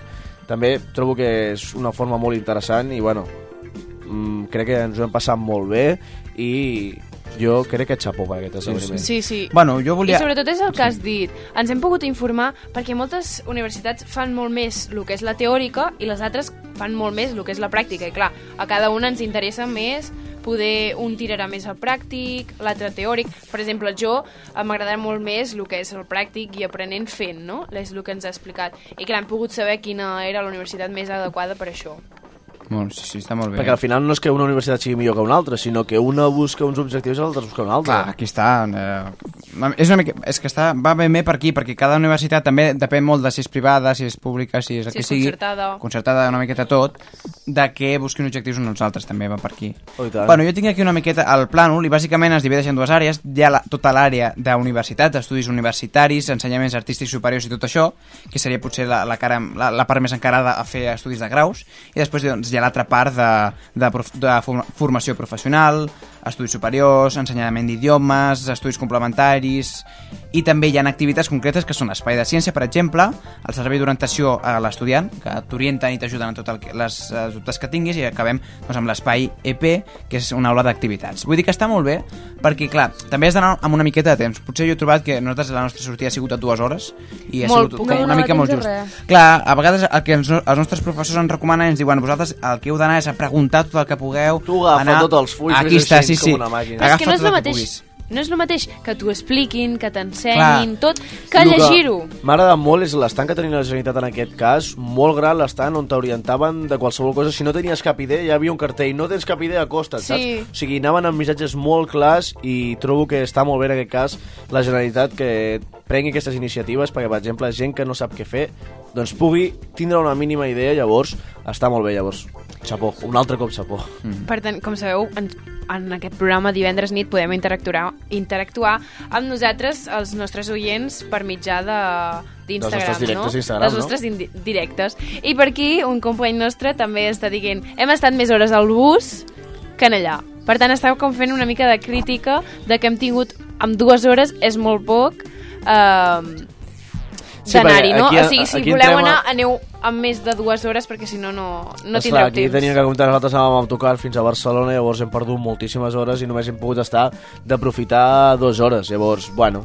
Clar, però Eh, penseu que a part d'anar amb l'escola també pode... la gent pot anar sola Sí, o amb, i amb, les famílies, vull dir que també és una oportunitat per anar amb la família a veure el que t'agrada, no? Sí, tinc amics, el que tinc ha. amics que demà em van anar a passar el dia a Barcelona i aprofiten doncs, per anar a aquest esdeveniment i gaudir una miqueta de, en família, no? Perquè també està bé a vegades amb els pares perquè ho vegin ells Jo he també. vist perquè... molts, eh, de pares, amb Sí, sí. fills. Pues jo no he vist cap. Sí, sí. Ui, Maria. Jo, jo no, molts, molts, molts. Clar, a veure, és de, també és divendres al matí hem anat nosaltres, la gent doncs, imagino que també estarà treballant, potser Clar. els dissabtes i diumenges sí que estarà Sí. més plena. Imagino, imagino. Bueno, jo tinc aquí una notícia que ens ha arribat des de la, bueno, des del Departament de Premsa, eh, que diu que aquí, en aquesta fira, en aquest saló d'ensenyament, s'han presentat 18 nous títol, títols de, de modalitat que són de 3 anys que seran, eh, que s'estrenaran, diguéssim, a partir d'aquest pròxim curs. Això és molt interessant perquè, com sabeu, més o menys, els, la, la majoria de, de graus són de 4 anys, també hi ha dobles graus que són de 5, però ara començaran a haver graus de 3 i s'han presentat en aquest saló d'ensenyament en aquesta 29a edició. Mm, M'ha semblat també interessant, he trobat aquesta notícia i us la volia comentar. Sí, perquè sí que és veritat que tot això dels graus eh, i nous d'això van, van renovant, no? I cada vegada pues, hi ha més graus, hi ha més màsters, i tot això va, va canviant cada any, no? Mira, podem concretar una mica més. D'aquests 18, 5 eh, s'oferiran a la Universitat Autònoma de Barcelona, eh, 3 a la Universitat de Barcelona, a la UB, a la Universitat de Lleida seran 2 i a la Universitat Rovira i Virgili seran 1. També a la Politècnica de Catalunya, que és un, a la Universitat Pompeu Fabra, un també, i a la Universitat Oberta de Catalunya, que és la UOC, i la Universitat de Vic, Uh, i també la Bat Oliva, un també. Vull dir, eh, sobretot en aquestes que són potser les més populars, aquestes que potser són les més populars, tenen majoria 1, menys l'Autònoma que té uh, 5 i la UB que té 3 a part de la Rubé Vigi que té 2 Doncs molt bona iniciativa, les Sí. universitats s'han d'anar actualitzant, han d'anar també variant, perquè al final la carrera molta gent es queda, queda curta amb la carrera, amb, aquestes, en aquest cas que pots fer doble, doble grau, totes aquestes coses, trobo que està molt I bé. saps que s'hauria també de renovar els preus, perquè jo, Ostres. la que he vist, també ho, di ho estan dient per aquí, per a les nostres xarxes socials, estan dient que per molt pública que sigui és molt car i a més a més de la, de la teva o sigui, de- d'entrar a la universitat t'has de pagar el menjar, t'has de pagar el transport... Sí, perquè jo, jo no entenc ben bé això. el tema dels crèdits, trobo que és com un negoci molt que no el trobo lògic, Clar. no el trobo ben, Depèn. ben estructurat. És un preu molt elevat Molt, i molt. que ben bé a què van destinats, no? Diríem que ben bé quasi a tot a, polítics, no sé ben bé on van destinats aquests diners, crec que és molt elevat. Si realment... El, el, què? el que pagues a la universitat? Sí. Home, doncs els mateixos gastos de la universitat. Però són realment tants? Home, jo crec que sí, eh? Jo crec que sí, perquè pensa, mira, per exemple, l'altre dia el nostre director de l'institut ens ho comentava, el centre nostre, a l'Institut de Vilafant, costa a l'any 2 milions, si no m'equivoco, 300.000 euros. Sí. Al nostre institut, que són barracons. Sí, sí. 2 milions, eh? Imagineu-vos el que pot costar una... És moltíssim. Clar, I... o sigui, no, mira, i a més pensa que la nostra, o sigui, fent el càlcul per alumne del que es gasta de- a l'institut per alumne és uh, per alumne eren 4.300 4.300. 4.300 euros l'any. Però que s'ho gasten. O sigui, Ah, per no exemple, tu els costes del professor, 4.300 clar. euros al nostre institut. Però jo no ho entenc. Com, com? No, no, el, o sigui, a l'Estat o, o la Generalitat, el O Departament... sigui, el en sigui, general, tot el tema de l'educació, per exemple... La teva educació... sous de Perquè prof- som barracons. Sous de professors... No, no, no. no. Precisament la nostra imagino que serà més barata. Sous de professors, material... Suposadament, però clar, Tot. tenim aigua igual, tenim llum, A veure, tenim que... cadires, bueno, és igual, taules... la qüestió, el que costa que t'ensenyin a tu durant un any són 4.300 euros, 4.000, vale? 300 euros. 4.300 euros. I, I, clar, I paguem material nosaltres. però paguem Això 35 part. euros. 35 No, euros són 35 euros. No, No, no, paguem 35. 35 euros ens referim a taller, Sí. laboratori, tot això. Després ja... Però això depèn, perquè, clar, tu deus utilitzar més material que jo. Perquè, clar, tu fas el científic i utilitzes... Uh, Tecnològic. tec Bueno, és igual, tecnològic, no perdó. obrim aquest Clar, debat perquè que la gent de casa tampoc li importa gaire, la veritat, perquè això No. són coses internes de l'institut Bueno, sí, vale. que potser hauríem de tractar en altres horaris. Anem a parlar de l'ensenyament, no? No, no, no, deixem-nos d'ensenyament, deixem-nos Home, de tot. ensenyament, hem anat avui al Saló de l'Ensenyament, Víctor. Sí, sí, però no ensenyament públic, ensenyament... No, m'estava referint al Saló de Ah, vale, l'Ensenyament. vale, home. vale, vale, vale. Uh, no sé, per mi ja estaria. Sí, jo, el que deia abans de la meva secció de tecnologia... Molt recomanable. El saló d'ensenyament per anar amb les famílies encara teniu dos dies per tothom que vulgui orientar-se. Que l'entrada era molt econòmica, eh? Algun comentari més? Sí, és el que em dic, sí, 6 euros aproximadament. Sí, 6, no. I em sembla que si vas amb alcohol és 5, però clar, ara ja seria anar-hi sol. Va, Maria, són ara ens sis. d'enviar un missatge motivador a la gent perquè hi vagi cap allà. Vinga, Maria. És que la Maria, és, hem, hem de dir, es posa molt nerviosa quan la fas Parlant. parlar, llavors Molt. anem a fer-li parlar. No, a mi m'ha de sortir, si no... Per no. això mateix, que te surti de dintre, què, què li hem de dir a la gent, el que ens està escoltant? Que vagin, que preguntin... Sí, sí, és veritat, això, eh? Que vagin, que s'orientin, que preguntin, que no tinguin por. Que Sí, que no perdin el temps, que Que s'interessin donen molt. bosses, que són molt xules. Agafa xutxers, sobretot També hi ha xutxers. bolis. Sobretot el, el que ens deia la nostra professora, anar amb la ment oberta, no anar només al que t'interessa, o sigui, No anar fer a vergonya. l'estant de l'UDG, agafar un paper i marxar. No, has d'anar a buscar tot el que pugui interessar, per tant has d'anar amb la ment molt oberta i molt, bueno, saber molt bé. Sí, que moltes vegades estem els adolescents en aquesta etapa del pavo que diguem, no? Tu, Digues, digues. perdó, tu Presse, que no hi has anat, t'agradaria anar-hi o no? Ara que has sentit, has escoltat una mica això. Sí, no? Sí. sí? Com t'imagines tu, més o menys, com és? Ara que hem explicat més o menys així, què t'esperes? Home, crec que, bueno, suposo que ha de ser molt gran, que hi ha d'haver moltes parades, no?, Sí, sí. Sí, sí. d'informació, i no sé. Més o menys això que hem explicat, no? Sí. I a més hi ha les universitats, les principals universitats de Catalunya i, bueno, sobretot Barcelona i totes aquestes centrals, però hi ha moltes universitats de- d'arreu de, de Catalunya i està molt I bé. també està hi ha universitats de, de, de Japó i Xina. És veritat, sí, sí, sí, és veritat. És I veritat. franceses, hi havia algunes que tenien a França i aquí, llavors crec que això... A veure, estem parlant molt de les universitats, però també hem de dir pels que vulguin fer cicles superiors i tot aquest, o sigui, eh, de professional, formació professional també hi ha, és a dir, no només són universitats, hi ha moltes més coses, eh, no pels que no és obligatori si vas per fer universitat, llavors cicle superior hi havia moltes coses, molts màsters i més altres coses per seguir ampliant els estudis, llavors jo trobo que és una molt bona oportunitat si s'hi va eh, no us faci por demanar, eh, està la gent allà per explicar-vos i al final és el vostre futur, està... Al final el que decidiu serà de lo que us dedicareu i sempre escollir una cosa que ens agradi, llavors jo crec que això és el més important dintre de, de l'ensenyament. I, bueno, per últim, ara comentava això de la Maria, de, de que hi, ha, hi havia també universitats i, i uh, escoles uh, escrites estrangeres, doncs aquí hi ha una notícia que he trobat que també és de, del Departament de Premsa que diu que en aquesta edició del 2018 és la que més internacional és per, perquè té molta, moltes expositors estrangers dels eh, Sí. 190 que hi han 40, una quarantena són estrangers i 29 són de Xina, concretament. Vull dir que sí que la veritat és que s'està expandint molt l'educació que tenim aquí i no sé, em sembla molt interessant. Molt bé, doncs fins aquí arribem, escoltem una miqueta de música i després continuem per arribar al joc de la setmana.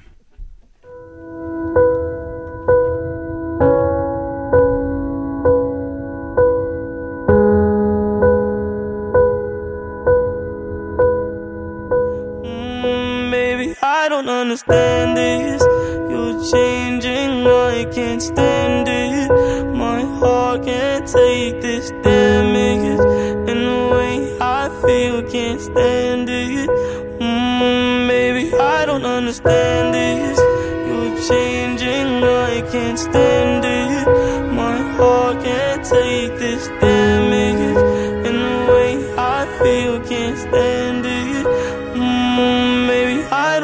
Don't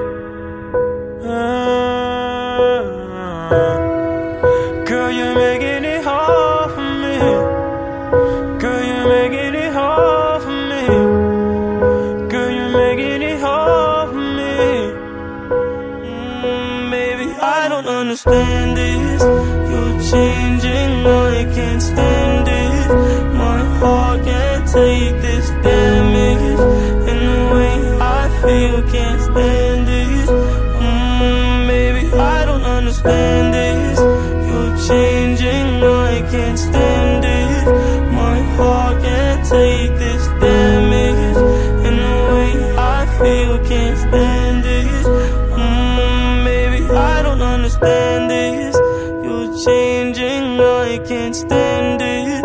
My heart can't take this damage. And the way I feel can't stand it. Mm, baby, I don't understand it. Joc de la setmana, amb tot l'equip del divendres nit.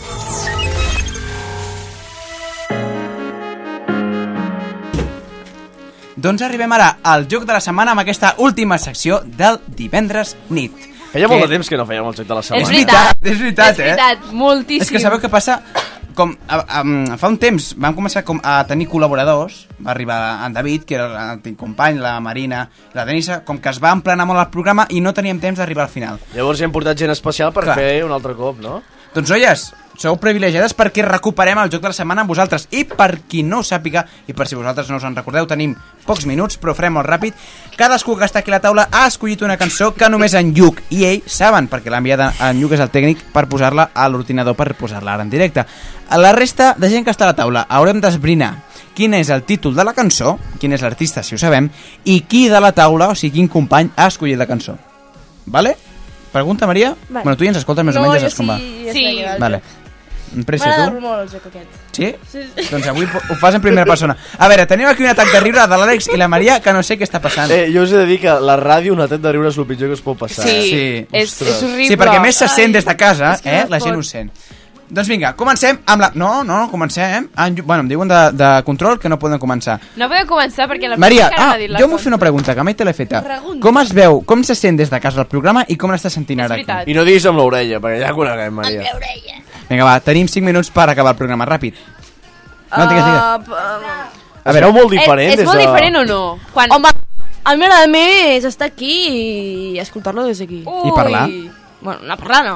No t'agrada No, parlar? no m'agrada Però quan, quan se sent des de casa és molt barullo i molt descontrol o què? No, se sent professional. Sí? S'escolta. Ostres, nosaltres som professionals. t'ha agradat venir avui al Sí, programa molt. o no? Molt. Que sàpigues que no vindràs més. Anda. Jo, Maria, tampoc. Eres mato. Sí, sí, home, esteu convidades quan vulgueu. Sí. Ens diuen de control que ja tenim les cançons. Comencem amb la primera molt ràpidament. Endavant.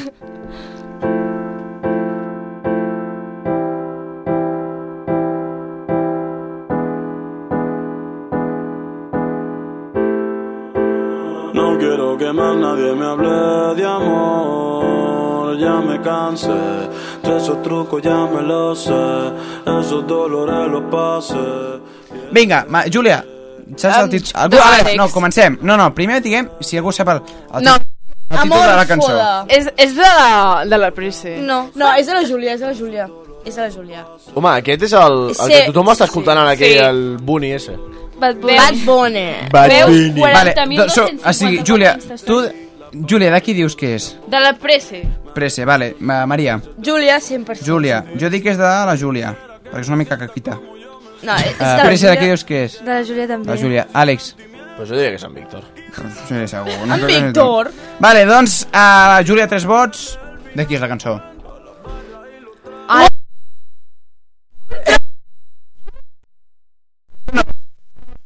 Com es diu la cançó? No ho saps, Es diu no? Amor fora de Bad Bunny. Vinga, següent! My lover's got humor. She's the giggle at a funeral. Knows everybody's disapproval. I should have worshipped her sooner. If the heavens ever did speak, she's the last true mouthpiece. Every Sunday's getting more bleak. Júlia, comencem preguntant-te de qui creus que és la cançó. De, de qui l'escollidor? Sí, La Maria. vale. Maria, tu de qui dius que és? Jo crec que és teva. Meva. Jo dic que és de la Maria, també. Jo de la Júlia. De la Júlia. Ui, este canvi. Àlex? Jo dic que és de la Víctor. Que és meva. Sisplau, que ho digui de qui és. És meva. És de la Maria! La Maria, veus? I jo sé el títol, jo sé el títol. Algú Take me to church. Joder. Na, na, na, na. Vinga, va, doncs següent.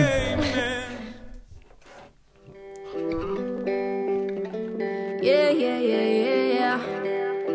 Nah. Asked you once, asked you twice now. There's lipstick on your collar. You say she's just a friend now. Then why don't we call her? So you wanna go on with someone to do all the things he used to do to me? I swear I know you do.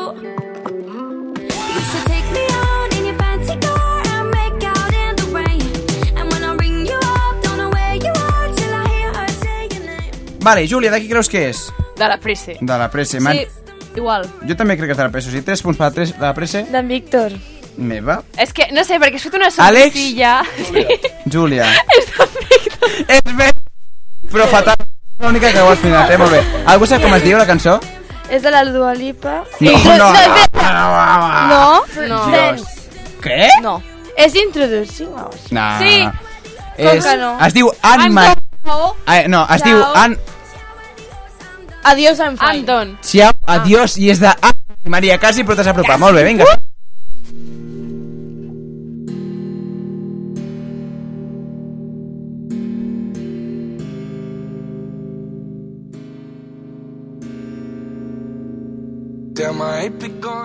Doncs vinga, amb aquesta cançó uh, l'esbrinem i acabem ja perquè si no el temps se'ns en va. De qui és? Júlia, de qui creus que és? No, no, vull dir que ho diguis, digues. De la Prece. Presse. Maria, Ai, jo m'he quedat ara en blanc. De la... Teva... No, de la Júlia. de la Júlia. Presse, De la Júlia. de la Júlia. Jo dic que és de la Júlia perquè he dit de qui és, només podia dir la pressa, llavors. És nerviosa. Júlia, jo també ho dic. I és de... efectivament. I es diu Júlia? Sico. Sico. Doncs amb aquesta cançó de fons comencem a acomiadar-nos. Àlex Ramon, gràcies per haver vingut, per haver estat. Gràcies a tu, Víctor, companys. Que hem de dir Una que la broma al final no ha sortit, ho sentim, la tindrem la He setmana que que ve. comunicava el que volíem tocar la setmana que ve la festa. Perfecte. Pressa, moltíssimes gràcies per venir. A vosaltres. Ja saps que quan vulguis, aquí estem. I tant. D'acord? Maria, merci per escoltar-nos sempre i per avui estar aquí amb nosaltres, haver ajudat, ens has ajudat en aquest moment de crisi que ens ha afectat gent. Gràcies i igual, quan vulguis, tornes. Júlia Ruiz, Víctor, com sempre. com sempre, moltíssimes gràcies per deixar-me estar aquí un dia més a Ràdio Vilafant. Moltíssimes gràcies. Molt bé. I nosaltres, doncs, amb aquesta cançó sí que ens acomiadem fins la setmana que ve aquí a les zones del 107.3 Ràdio Vilafant. Això és divendres nit i ens escoltaràs abans de marxar de festa. Adeu! She said, Kid, I have so no home. And I can never tell you no.